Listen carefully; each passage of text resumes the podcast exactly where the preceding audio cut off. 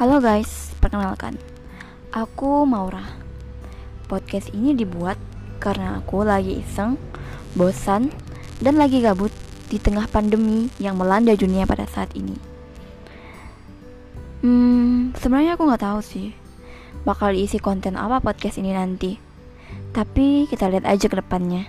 Mungkin aku bakal sharing bersama orang lain atau sharing tentang ceritaku. Hmm, sebenarnya nggak ada harapan pasti sih untuk podcast ini. Dilihat banyak orang, didengar banyak orang, diketahui banyak orang. Sebenarnya jauh dari rencana itu.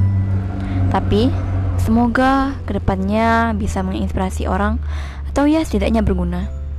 Oke, mungkin cuman ini aja. See you guys.